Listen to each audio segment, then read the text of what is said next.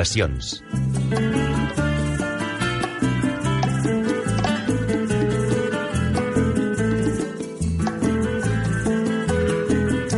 De fet, volem parlar de tradicions i de professions tradicionals. I és que, eh, Judit, podem parlar d'una que bueno, ha sigut el, el motor de la navegació durant segles i segles. Parlem de les veles, no? Així és, avui coneixerem la professió de velers i ho farem de la mà de Guillem Comí, una persona molt implicada en conservar la història i les tradicions de les Terres de l'Ebre. Guillem, molt bona tarda i benvingut. Hola, bona tarda, què tal? Uh, doncs bé, amb moltes ganes de conèixer la professió de veler. Eh, veler és aquell que feia veles, no? Exacte. L'ofici de veler, en concret, aquí al litoral del, del Delta de l'Ebre, és molt antic. Segons els orals, i fins i tot a final del segle XIX, al poble de l'Ametlla, de l'Ametlla de Mar, hi havia tres actes anys dedicats a la fabricació de veles d'embarcacions de pesca. I més remotament, fins i tot Cristòfol Despuig, als col·loquis de la ciutat de Tortosa, dia que en aquesta ciutat aquesta professió era ben viva. Això és I com se feien... fins i tot- Digues? Guillem, com se feien aquestes veles?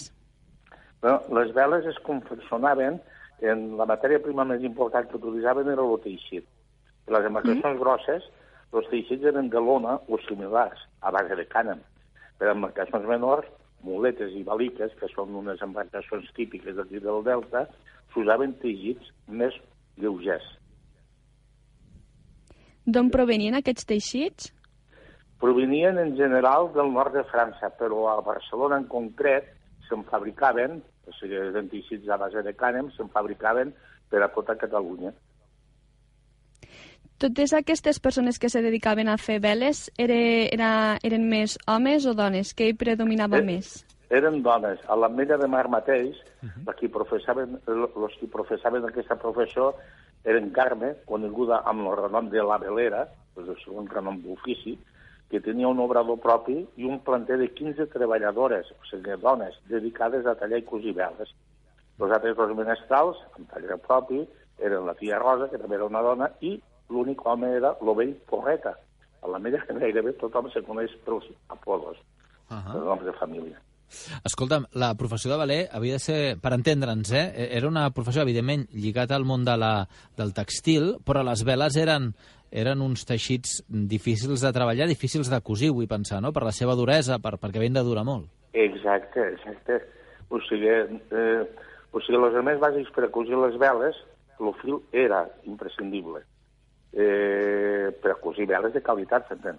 Cal fer memòria que una vela, és el que dius tu, que és un conjunt de trossos de tela cosits de manera especialment reforçada. Uh -huh. I el fil imprescindible per les veles tradicionals era de cànem, és a dir, un fil fort. Clar. Escolta'm, uh, de fet, les veles es feien uh, ex, uh, express a mida, no?, que se'n diu. Uh, no, no havia un tipus de vela i s'anaven adaptant a les embarcacions, Clar. sinó que cada embarcació tenia un, una tipologia i un metratge diferent de vela. Exacte, depenia de l'eslora, de, de, de sobretot, de les mesures de l'embarcació, però aquí les, bar les barques que navegaven per aquí, al litoral del Delta de l'Ebre, eren d'un perfil concret i predominava tres tipus de velaments. O sigui, la vela quadra, és a dir, la vela que tenia forma de quadrilàter, o toldo, que diuen aquí l'ampolla, mm. o la vela llatina, que era un tipus de vela triangular, com als pobles del mar Mediterrani, des de les èpoques més antigues. Era una vela que s'embragava en una antena de fusta, composta de dues peces, que trobava l'arbre del pal de l'embarcació molt obliquament. És la típica vela que tothom coneixem, que hem vist navegar tota la vida per aquí les mars, per la, per, per la mar Mediterrània. Totes aquestes persones que has comentat que se dedicaven a fer veles, aquests tallers, ho feien de manera artesanal. Sí, aquests eren artesanals totalment. O sigui, mm. eh, en concret, o sigui, cosien les veles, i eren dones. Les cosien amb els fils corresponents mm. i amb la lona corresponent, no? Hi havia un banc de cosir, els, valors, els velers tradicionals sovint cosien les veles asseguts en un banc de veler o banc de cosir. I, en fi... Quantes persones... Digues, digues, Guillem. No, no, persones, ja he dit, la, la, la Carme la Velera tenia una, un taller on hi havia 15 treballadores, 15 dones, i generalment era feina de dona perquè era feina de cosir. Ja. Es... Escolta'm, les veles, de fet, deies, dius ara, eh, eren de lona, no? Eh, havia de ser un teixit resistent Sí. eh, i que, a més a més, d'alguna manera, no, no, no cal que fos impermeable a l'aigua, però sí que resistís una mica l'aigua perquè, si no, allò agafava que amb tot aquell metratge molt de pes en el cas de pluja o en el cas de tempesta. Sí, bueno, per les embarcacions grosses, els Sí? sí? eren de lona, o similars, a base de càrem. Mm? Per embarcacions menors, muletes i baliques, com, com hem dit abans, s'utilitzaven més lleugers. Els velers, en general, compraven el teixit als cotoners. Sovint es tractava de cotònia. La cotònia és un teixit de cànem d'una amplada no, vaja, no documentada, Sí? però més o menys estimada entre 40 i 60 centímetres. Les peces de la vela, teixides, feien una llargada d'unes 60 canes.